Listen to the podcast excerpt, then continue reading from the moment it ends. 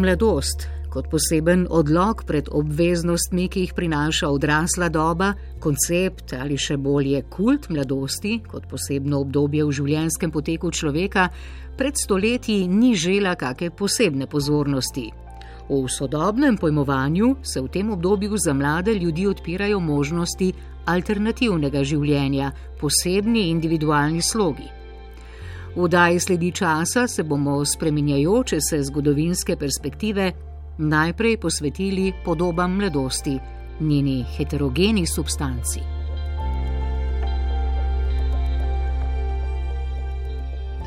Zanimali pa nas bodo tudi raznoliki slogi starosti. Zgodovini njene obravnave je teže slediti, saj skoraj nikoli ni usmerjala poteka zgodovine. Mnoge kulture in civilizacije so namreč starim ljudem odpovedale pozornost in jih socialno izključile, sploh revne, za katere se za razliko od statusno više postavljenih starih ljudi, vladajočih in premožnih elit, ni predvidevala dolgoživost.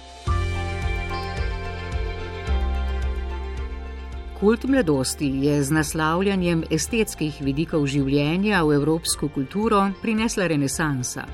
To je obdobje upevanja idealov lepote, ki kaže tudi gnus do bolezni, starosti in smrti z imperativi samo izpolnitve poudari človekovo subjektivnost in ekspresivnost, predvsem mladim moškim pa nudi priložnost izkušanja razburljivega življenjskega sloga. Sociolog Otto Gerdina govori o treh zgodovinskih obratih. Pred renesanso pravzaprav zgodovina pozna samo mlade odrasle. Podobno velja tudi za, recimo, za otroke. Pravi, otroci, mladostniki ne, so samo manjši manj zmožni odrasli, eh, ker se seveda tudi pozna na recimo umetnosti eh, iz pred, predrenesančni umetnosti, kjer so otroci na slikah naslikani z odraslimi obrazi. Renesansa v nekje med 14. in 17. stoletjem unese v evropski kulturni imaginari, kot ste omenili, kult mladosti. Na eni strani se pravi ta ideal večne lepote, mladost je lepa, po drugi strani pa tudi agnus do bolezni, starosti in smrti. Ampak da pridemo do mladosti, kot jo poznamo danes, se mora zgoditi še razsvetljenstvo. Razsvetljenstvo prinese to idejo o človeku, ki se na mesto po navadah in tradicijah ne ravna po razlogih in principih. Se pravi, ne sledi življenju, kot mu je bilo dano, ne, ampak ga izumlja pravzaprav na novo. In romantika, ki pa pride še malo kasneje, ne, pa te ideje v človeku doda še poudarek na subjektivnosti, ekspresivnosti.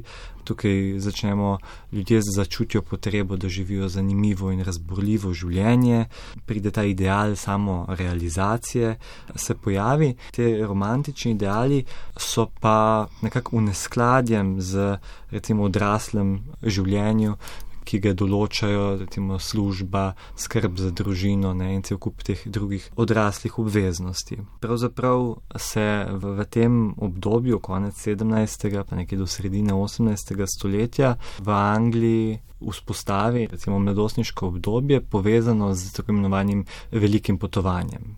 Ne, to je ta Grand Tour, ki seveda ni za vse, privoščijo si ga predvsem aristokratske družine, ki svoje, recimo, mlade, ki še niso prevzeli, recimo, vloge v družini, še niso prevzeli odgovornosti odraslega človeka, eh, pošljajo na potovanje, eh, zato da se izobrazijo, zato da pridobijo tudi zelo prestižna zadeva, ne, se pravi, da si pridobijo nek prestiž svetovljansko, sloves svetovljana, hkrati tudi na tem potovanju pogosto odkrivajo seksualnost, v tem potovanju uh, navezujejo stike po raznih evropskih dvorih ne, in obiskujejo uh, stare zgodovinske evropske temelje, recimo antične, zelo, zelo uh, za Angleže je bilo recimo zelo popularno potovanje skozi Francijo do, uh, do Italije. V tem obdobju se začne pojavljati to neko obdobje, ker so mladi, ki že v bistvu imajo precej veliko svobode, ki jim jo plačajo seveda starši, ne nimajo pa še teh obveznosti.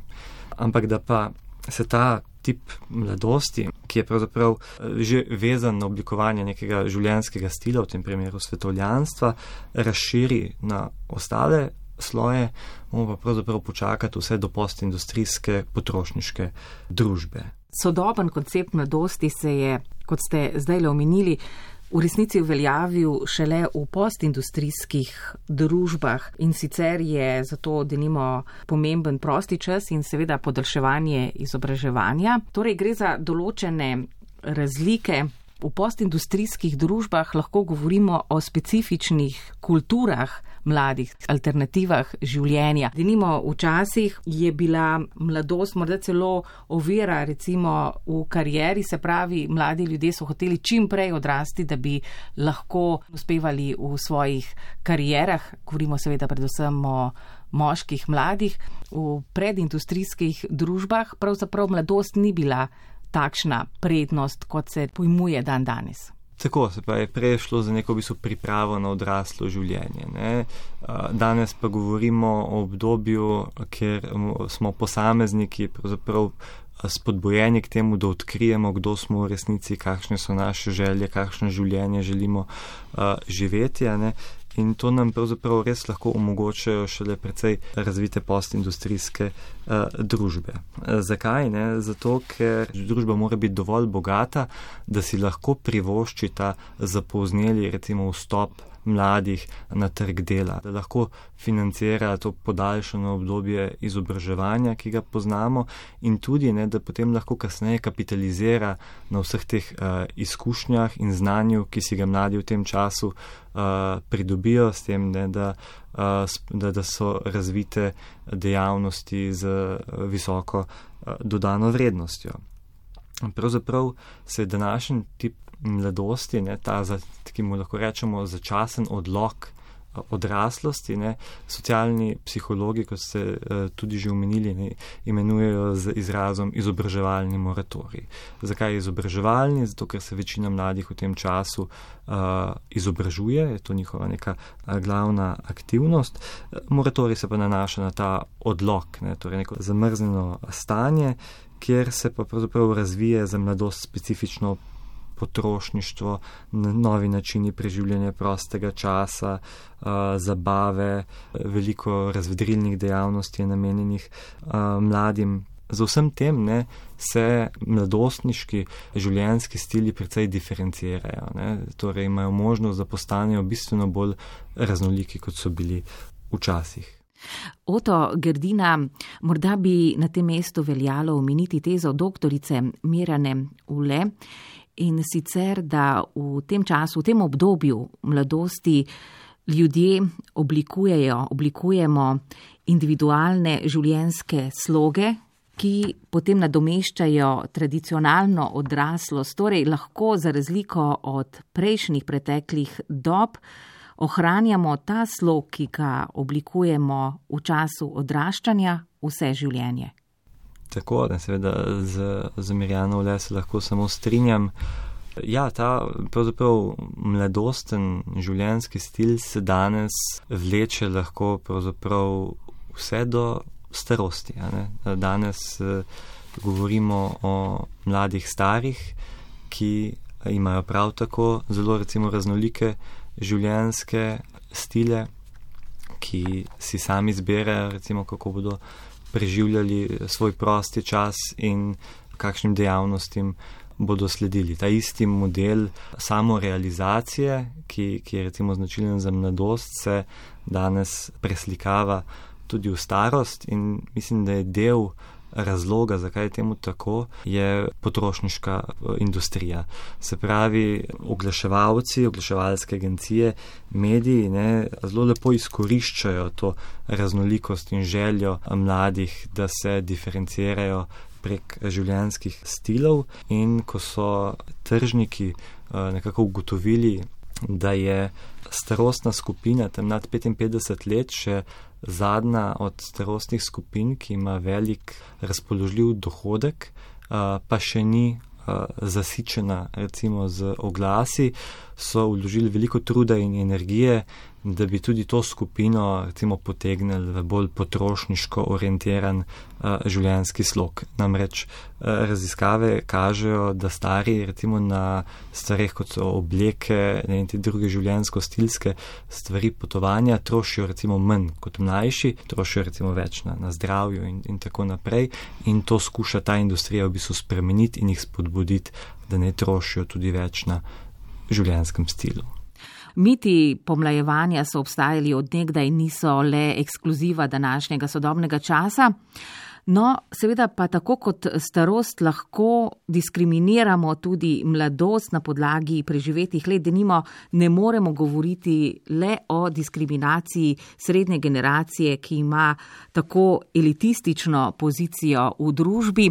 Tudi medgeneracijski konflikti so kdaj umetno ustvarjeni skozi socializacijo mladih ljudi. Tudi ta starostna skupina je lahko marginalizirana.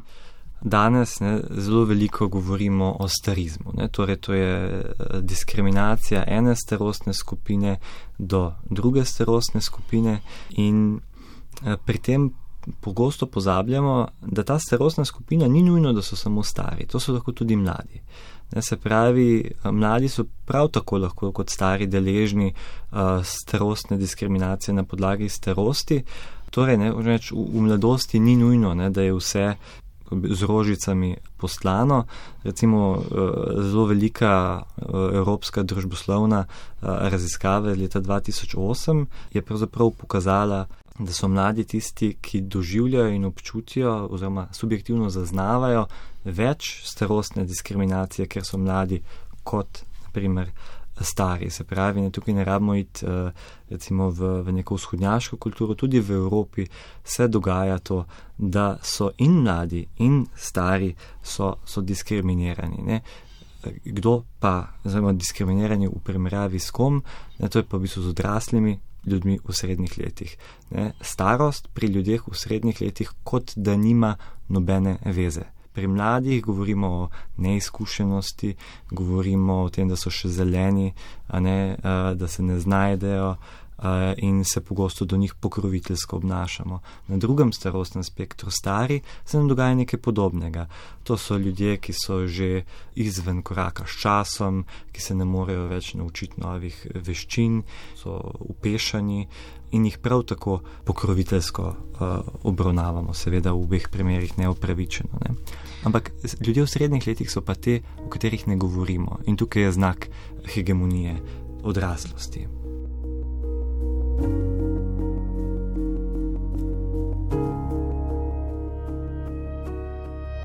Starost se pojavi v zadnjem obdobju poteka človekovega življenja, ki so se ga vedno oprijemali predsotki in starostni stereotipi, kar je izpričano v različnih kodih, mitih in legendah arhajičnih, tradicionalnih in sodobnih družb, skupaj z medijskimi reprezentacijami starosti, čeprav ponuja pluralne izbire in možnosti. Za to življenjsko obdobje, ki ga želimo izriniti iz zavesti, si zato, da bi ga preoblekli v humanistično pozunanjenost, izmišljujemo politično bolj korektne, na vides ustreznejše izraze. Francoska pisateljica in filozofinja Simone de Beauvoir, ki je že pred desetletji k tej temi kritično pristopila v dveh svojih delih, je denimo dejala: Starost je neprekinjena komedija, ki jo človek igra, da bi preslepil druge in sebe, in je zaradi tega smešen, zlasti če igra slabo. Zakaj stari igrajo to igro? Zato, ker v očeh drugih nočejo biti stari, šipki, nekoristni, bolni in odveč. Recimo danes potekajo precej burne debate, kako naslavljati stare. Ali naslavljati jih kot stare, starejše, starce ostarele, senjorje in tukaj še je teh besed. Kot ste opazili in kot so opazili tudi poslušalci, sam uporabljam besedo stari ljudje. Zakaj? Zato so pravzaprav trije zelo kratki eh, razlogi. Prvič, ker je bolj slovnično pravilno, ne lahko govorimo, da je nekdo starejši od 65 let, lahko rečemo, da je Pavel starejši od Mateja, ne, težko pa rečemo, da je nekdo samo starejši kar po sebi, ker bi mogel biti s tem v nečem v relaciji. Če govorimo o starih ljudeh, je to bolj slovnično pravilno in slovnica je pomembna. Drugič, ne, tudi če naslavljamo stare ljudi z izrazom starejši, to pravzaprav ne reši problema, ki ne bi ga ta izraz uh, reševal. Namreč, zakaj se je izraz starejši prijel po vsem svetu in tudi v Sloveniji? Ne, zato, ker ne bi starost osvobodil teh negativnih konotacij, negativnih starostnih stereotipov, pešanja, upada in tako naprej. Ne.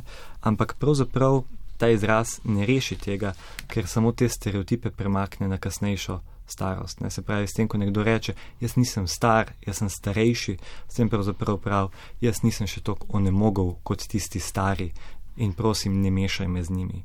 Ne? In tukaj se v bistvu vzpostavlja neka ločnica, ki pa je v bistvu zelo škodljiva za družbo. Vse ločnice so v družbi škodljive, ta je, ta je tudi nimamo zdaj dovolj časa, da bi šli v podrobnosti, zato bi v bistvu mogoče samo zaključil, ker že primerjamo mlade in stare, se pravi, če govorimo o mladih in ne govorimo o mlajših, ne, zakaj bi potem govorili o starejših in ne, ne starih.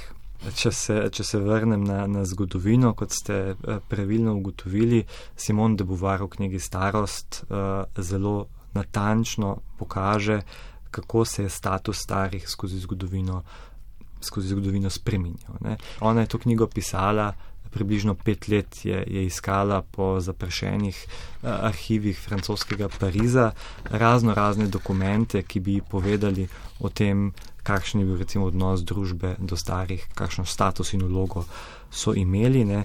In po teh petih letih je začela v bistvu knjigo za ugotovitvijo, da stari ljudje niso bili v središču pozornosti. Prvič, ker jih v nekem zelo velikem številu, kot danes, ko govorimo o dolgoživi družbi, ni bilo, drugič, ker je pisnih verov malo. In še tisti, ki so govorijo zgolj o zelo bogatih starih kraljih, plemičih in podobno, medtem ko v drugih starih ljudeh pravzaprav ni, ni sledu.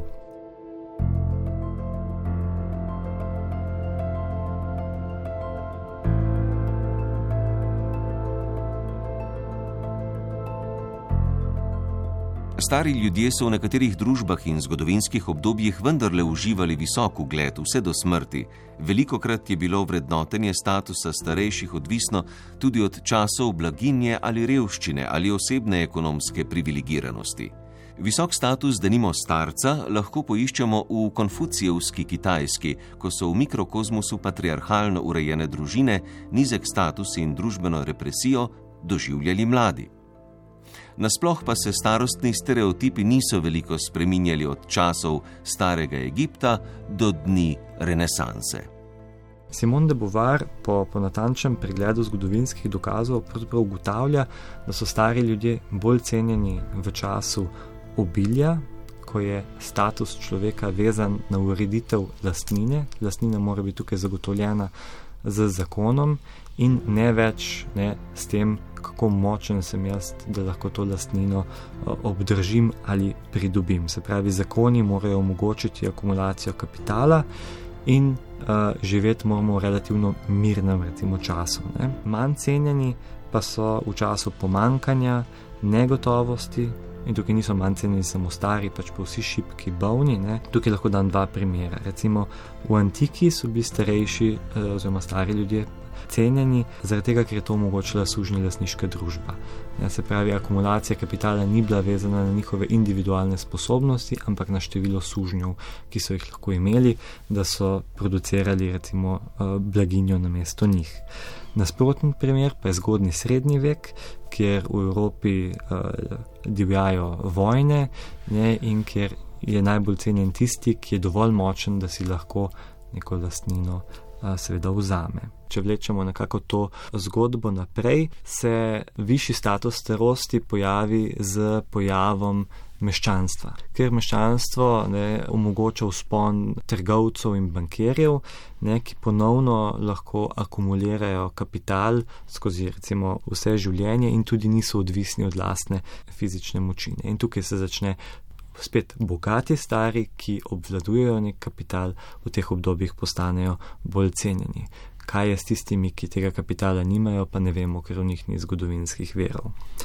In to bolj kompleksno meščansko življenje pravzaprav ceni izkušnje, inteligenco, manj fizičnega napora. V tem obdobju se tudi pojavi ta star moški kot glava družine, ki nadzoruje družinsko lastnino in uživa visok družben status, pravzaprav vse do smrti. Na podeželju je sicer slika dokaj drugačna, tisti bogatejši kmetje so se včasih tudi zelo tiransko obnašali do svojih mladih in jim niso pustili, da bi se pravzaprav osamosvojili in prevzeli stvari v svoje roke. Po drugi strani tisti, ki so poživeli iz, iz rok v usta, so se pa zelo hitro lahko znašli v milosti in nemilosti svojih otrok. V, v tem obdobju no, je vsaj tako, da med bogatejšimi družinami imajo stari ljudje nek ugled. In ta ugled se pa začne generalno krhati o prehodu agrarnih, ruralnih družb v industrijske, ne, to oslabi položaj starejših, recimo že v tem, da je vse manj ne, teh malih delavnic, ne družinskih, oziroma pojavljajo se podjetja, ki jih začenja poganjati nove tehnologije in ne, recimo bolj drzen ne, kot njegov oče, sin predlaga upeljavo najnovejše tehnologije v, v produkcijski proces. Ne, in tukaj stari zgubijo svoj nadzor nad, nad produkcijo dobrin, s tem pa tudi ne nekoliko zgubijo na svojem statusu. V tem obdobju se tudi začne počasi širiti pismenost, sprva bolj plaho, potem pa vse bolj, ko pridemo sploh do 20. stoletja in, in naprej. Tukaj tudi zgubijo ta monopol nad uh, informacijami, nad ustnim predajanjem znanja naslednjim generacijam.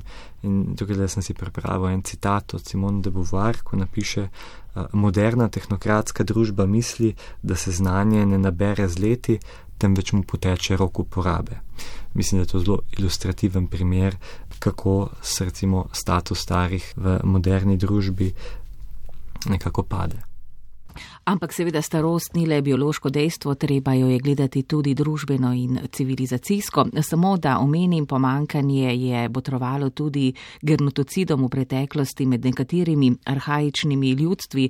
Znane so pripovedi iz Amerike, denimo med Inuiti.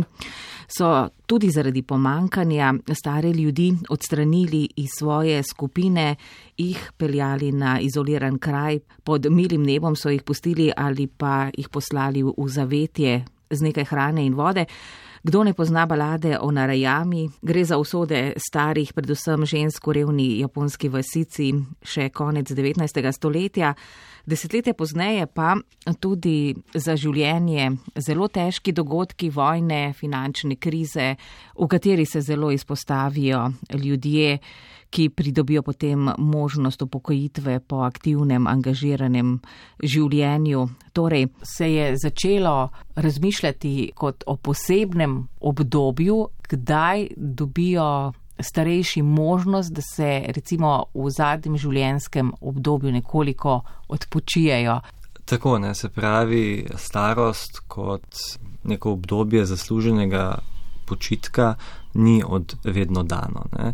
Univerzalni pokojninski sistemi v Evropi segajo tam nekje od 40 let naprej in ta starost, ki je pravzaprav ločena od odraslega življenja, je institucionalizirana skupaj z državo blaginje in starostno stratificiranim življenjskim potekom, ker gremo nekako vsi ljudje približno iste generacije ali iste kohorte skozi neka enaka predvidena obdobja. Ne, pravi, prva je ta mladost, kjer se izobražujemo, potem je odraslo življenje, kjer hodimo v službo in si ustvarimo družino, in potem na koncu preidemo v upokojitev, ker lahko nazaj pogledamo na svoje življenje in si privoščimo nekaj zasluženega počitka. Klasična zgodba o upokojitvi, ki govori o umiku starih iz družbe, ne, to je ta delitev aktivni in neaktivni, ne, je bila močno kritizirana, recimo strani socialnih gerontologov, ki so uh, začeli, mislim, že, že zelo zgodaj, tam nekaj od 60-ih let naprej, še bolj glasno pa potem v 80-ih upozarjati, da stari ljudje niso samo uh, neki pasivni ljudje, ki sedijo na gugalniku pred hišo in čakajo na, na to, da se jim iztečejo dnevi, ampak so pravzaprav neka skupina, ki ima še zelo veliko potencijala, ki ima veliko želja, ki lahko izkoristi ta čas, da se samo realizira. In tukaj začnemo pravzaprav govoriti o tako imenovanem aktivnem oziroma dejavnem staranju, zaradi tega, ker je starost cenjena zaradi možnosti, ki jih ponuja za samo realizacijo prek različnih aktivnosti. Hobijo, za katere prej ljudje niso imeli časa, ker so v odraslem življenju uh, skrbeli za kariero, skrbeli za družino in imeli druge obveznosti. No, hkrati pa, čim se ta pozitivna podoba starosti nekoliko vzpostavi, že se pojavijo neke nasprotne težnje, ki jo pravzaprav zlorabijo. Hitro se pojavi ta ideja, stari ljudje so pa zdaj privilegirani, pogledajte, ne plačujemo za njihovo zdravje, za njihove pokojnine. Oni ne pa sledijo nekim hobijom, ne medtem, ko imamo mogoče na drugi strani, imamo pa mlade, ki še nimajo vem, služb, ki še nimajo stanovanj ne, in jim je recimo prav tako treba pomagati. Populacija se vmes stara, ne, tako da ne, tukaj se začne tudi zelo upozarjati na, na breme, ki naj bi ga stari predstavljali družbi. Zato v vsej tej zgodbi se, se zgodi to, ne, da je v bistvu ta aktivna starost lahko zelo nevarna za stare, ne?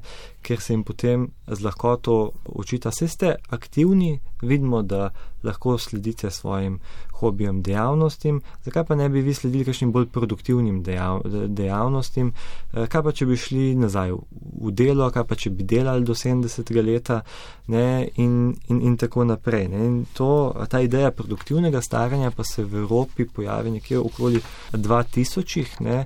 kot pravzaprav rešitev za problem vzdrževanja vse večje stare populacije. Torej, na koga se bomo obrnili, da za ston, ne, se pravi, poskrbi za vse večje število starih in to so stari. Ne. Kapitalizem se zanaša na to, da del svoje vrednosti dosega tako, da jo v bistvu outsourca na, na, na druga področja. Na začetku je to počel z družino, se pravi, družinska plača, kjer moški ne zasluži za celo družino, ampak da lahko on hodi v službo, da lahko eh, služi denar, je pa tam ponovadi njegova žena, ki je pa doma pa skrbi za otroke, za reprodukcijo družbe, skrbi za to, da recimo on lahko upravlja svoje delo maksimalno ki je pa ne plačano. Ne? In tukaj eh, kapitalizem proba, ne, seveda, prihraniti. Danes no, pa lahko v bistvu v mladih, starih, dejavnih, starih, produktivnih starih govorimo pravzaprav kot o novih ženskah. Ženske so se vmes zaposlile, imamo polno zaposlitev, nimajo več časa, da bi ostajale doma in skrbele za svoje uh, stare sorodnike. Ne? Torej, kdo nam še ostane. Ostanejo nam te mladi, stari, ki so pa zelo priročni, zato ker na nje lepimo cel kup prav tako pozitivnih, ampak prav tako stereotipov, ker naj bi bili željni pomagati, naj bi bili bolj lojalni kot ljudje v srednjih letih, manj sebični in torej idealni za to, da prevzamejo te nove naloge. Torej, zelo produktiven star človek pomaga kapitalističnemu presežku, trg je zaznal to priložnost. Kdo je star, pa je tudi zelo relativno.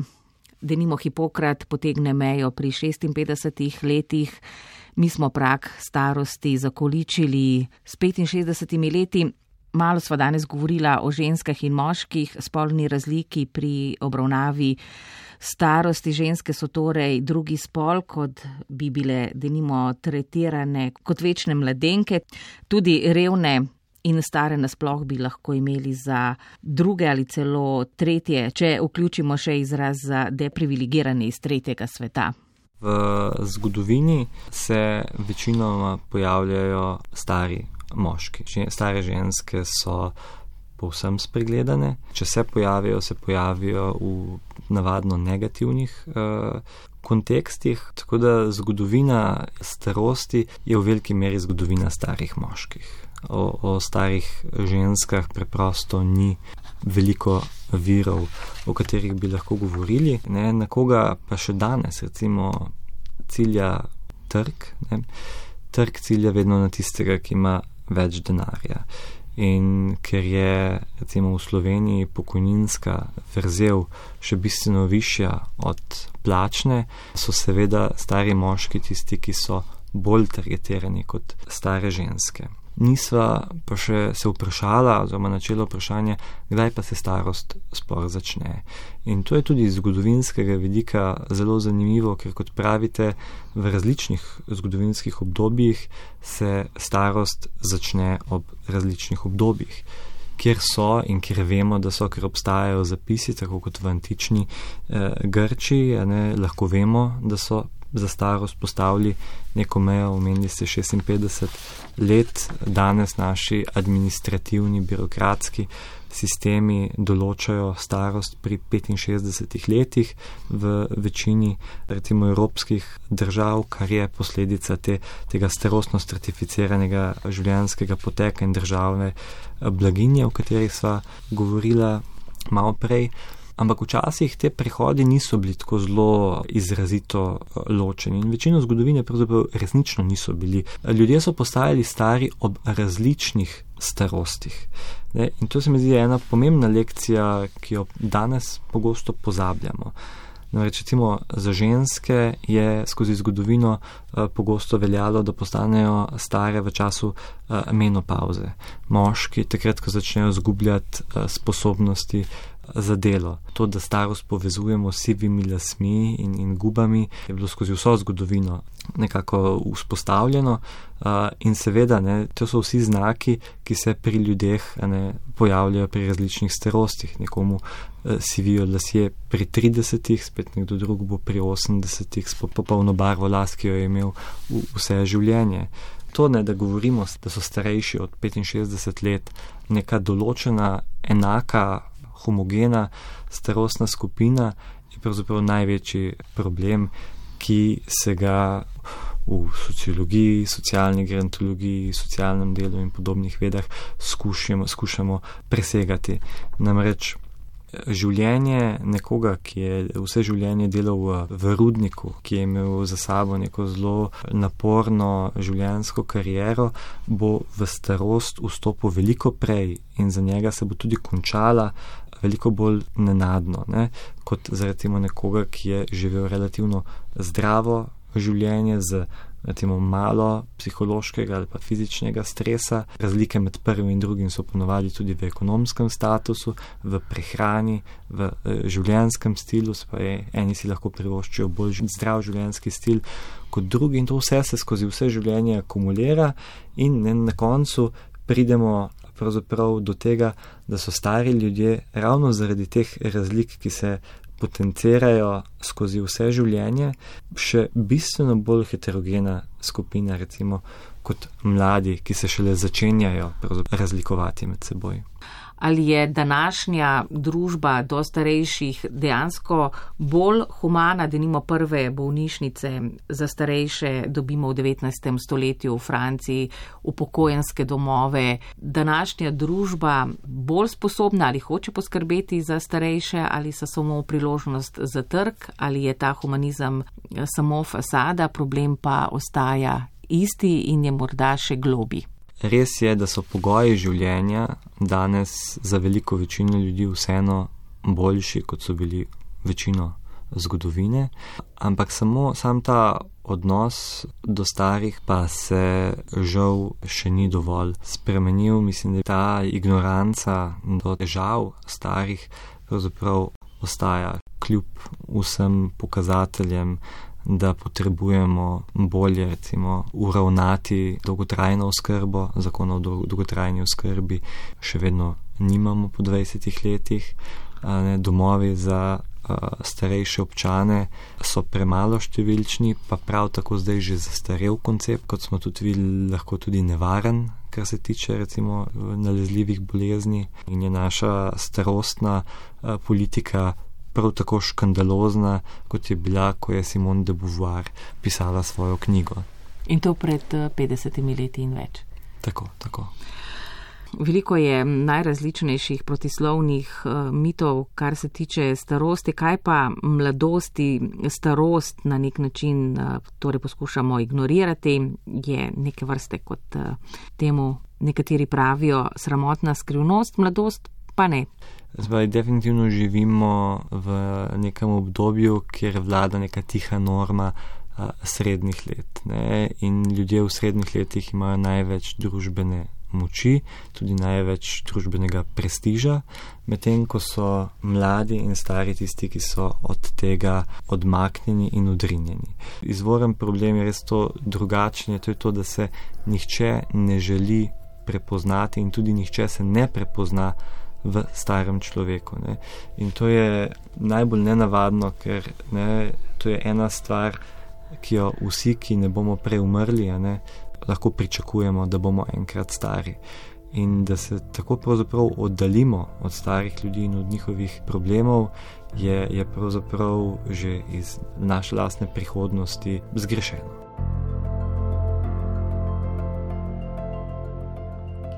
Podobe mladosti in starosti skozi prizmo preteklosti in sedanjosti je v daji sledi časa slikal sociolog Oto Gerdina z Fakultete za družbene vede. Glasbo je izbral Rudi Pančur, brala sva Matjaš Romih in Lidija Hartmann, tehnično je oddajo oblikoval Marko Krebs, pripravila jo je Magda Tušar.